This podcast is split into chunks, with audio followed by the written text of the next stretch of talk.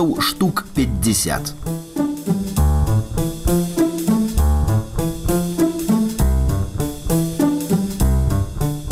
Назваць караткевічаў дом на вуліцы Карла Маркса ў Менску забытым адрасам не паварочваецца язык.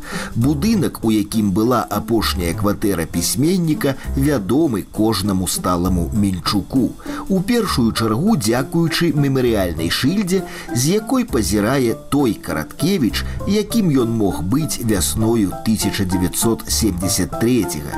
Ідучы ў госці ў 24 кватэру дому нумар 36, я меў дзіўнае пачуццё сваёй спозненасці, бо тэарэтычна мог спаткацца з гаспадаром кватэры і да 1984 году, калі ён сышоў назаўжды. Сям'я пісьменніка Вячаслава Адамчыка жыла з караткевічамі на адной лесвічнай пляцоўцы. Таму Володя Адамчык, ён жа пісьменнік Адам Глобус, быў у караткевіча нярэдкім гостем. У яго было вялікае пачуццё гумару що для беларускай літаратуры разумееш даволі не характэрна і притым гумара такого тонкага часам іранічна шматхадовага ён мог выбудоўваць камбінацыю інтрыгаваць і з ім конечно цікава было ён ведаў шмат жартаў любіў жартаваць он перачытаў зачытваўся гашакам чапікам збіраў у яго было там этих швейкаў штук 50 розных спаў са швейкамі заўсёды ложак быў прыбраны цацкамі там швейкі Ён збіраў лялькі чарцей, вельмі любіў розных самых чарцей, казкі пра іх пісаў і швейкаў збіраў. І яны заўсёды на падушках там яго былі любімыя, мягкія чэрці і швейкі. Его нельга назваць дысідэнтам, але наколькі ён быў савецкі чалавек. Антысаветчык там ці дысідэнт ці змагар за нейкія каштоўнасці, таксама нейкая ідэальная рэч, якую не маў прыродзе. Яна выдуманая палітолагамі, як Гоголь пісаў, што ж это за пісьменнік, які не можа падмануць цэнзар. Ясна, што Караткевіч падманваў цэнзар. Ясна, што яго забаранялі.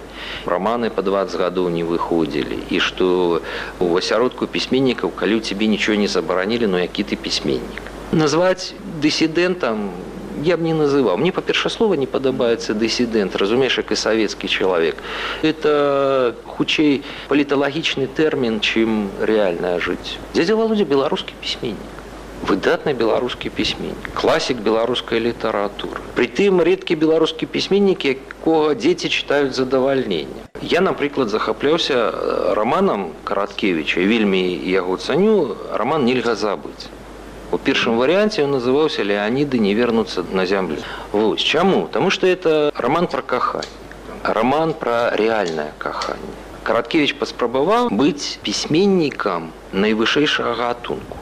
Я наогул вельмі люблю літаратуры вот такія спробы. І мне як творцы больш цікавяць мусіць правалы літаратараў, чым іх дасягненні дасягненне заўсёды невядома як зроблена натхнение а вот калі чалавек не дасягнуў мэта была большая чым ён змог і можа зрабіць і я гаварыў про это с караткевичем і кажу что задавальненнем прачытаў ваш ты роман і ён мне вельмі падабаецца на што ён сказаў что ведаеш я рада что ты ацэньваешь маю творчасць але я скептычна да сябе як да творцы стаўлюся і ты мусіш ставіцца да сябе заўсёды скептычна і калі ты бачыш что ты не можаш нечае зрабіць то заніжай планку разумееш заніжай не можешь напісаць выразнае рэалістычнае класічнае апавяданне напішы фантастычна і сілы будуць весь час цябе пакідаць ты будзеш жыць і сіл будзе ўсё менш менш менш разумееш меншым паэту і тады калі сілы зусім скончацца нават на дэтэктывы інтрыгу будаваць логіку матывацыі прыдумляць грунтоўнасць это знік не пішы фантастыку пішы фантастыку пішы лёгкая пішы шмат да фантастыкі ніяк не яшчэ не дайду ну дайду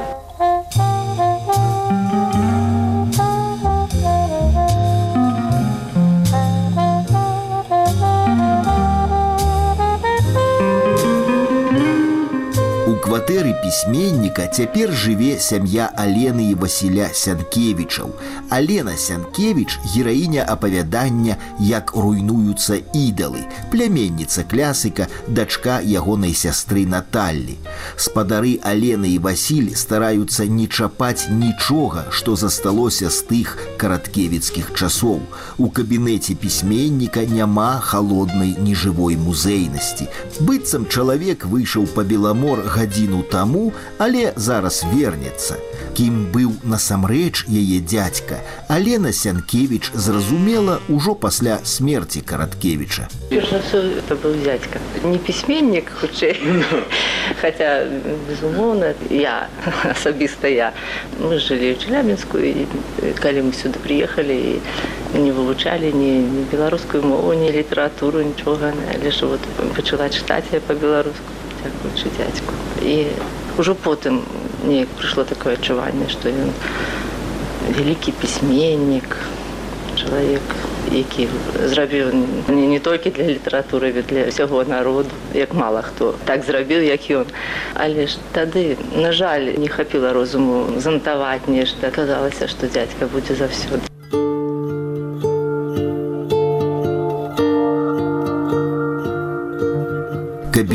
Владимира Караткевича гэта вялікі пакой вокнамі на вуліцу Карла Маркса.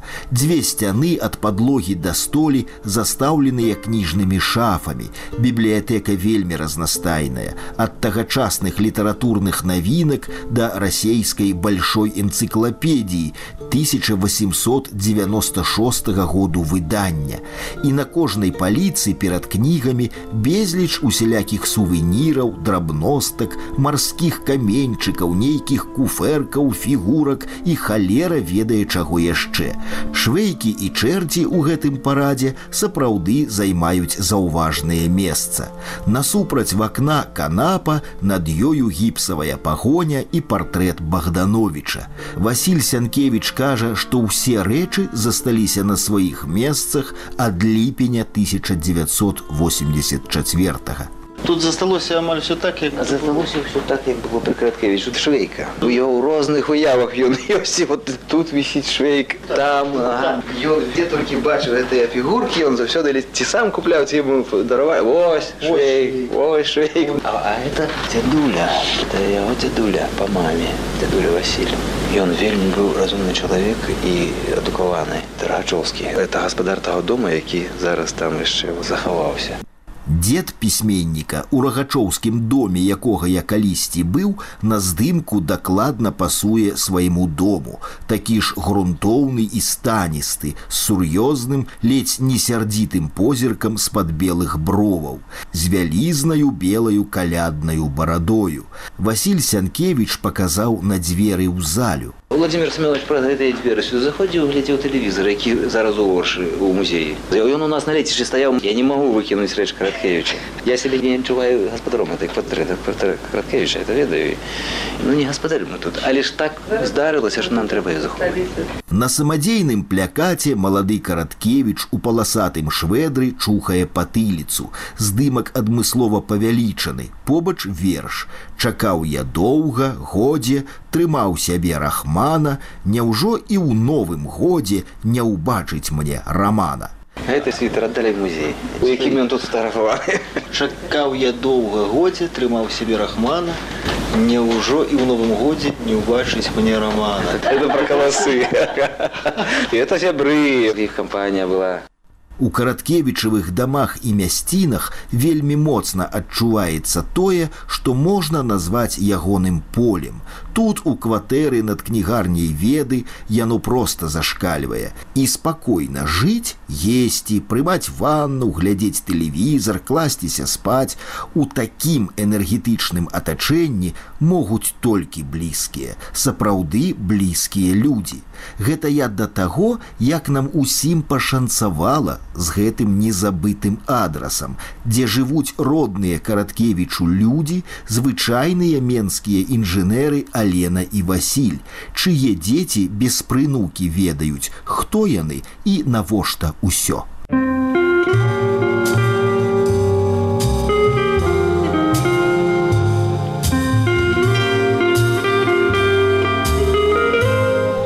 Аглядаючы залю, пазіраючы на тыя карціны, пейзажы Тхановіча і Сергеевіча, на старыя драўляныя скульптуры анёлаў, прывезеныя гаспадаром з экспедыцыяў, я спрабую адгадаць, хто з персанажаў мог тут жыць.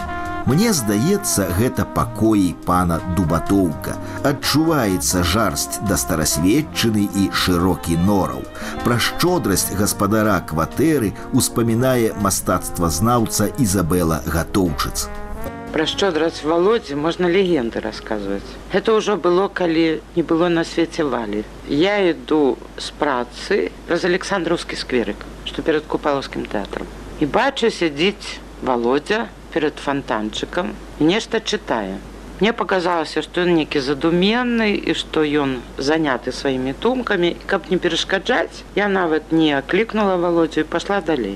Аднак аклікнуў володя. Ты што ж не здароваешься? Ну я кажу, прабач володя, думала, можа ты заняты сваімі думкамі вярнулася, сядай прысела разам. І володя раптам пытаць: Можаш у цябе грошаў няма, а то ў мяне хоць хоць срака еш.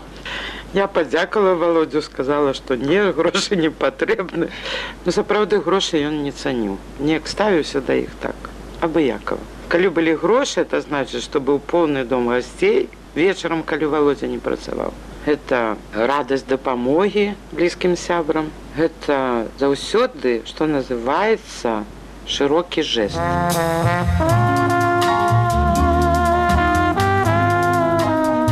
Калі глядзець на фотапартрэты усмешлівага караткевіча складаецца вобраз утульнага бесканфліктнага вясёлага таўстуна. Не трэба давярацца фота, утульным і бесканфліктным караткевіч ніколі не быў. Для володзі выпіўка, калі за сталом былі людзі, была прычынай для размоў, для нейкіх апавяданняў цікавых. Аднак, калі, напрыклад, нехта з прысутных наступаў на любімую мазоль володзі, закранаў нейкія яго любімыя тэмы, не ў тым сэнсе, у якім гэта хацелася в володзе. Альбо неяк непаважліва ставіўся да некага з герояў гістарычных, якіх любіў володзя. Гэта канчалася вельмі шумно. Шумно это мягко кажучи. Ён мог пагражаць, мог устаць і сказаць, каб все ішлі з яго дому. Прычым тут жа адразу збіралі свае шмоткі і адыходзілі.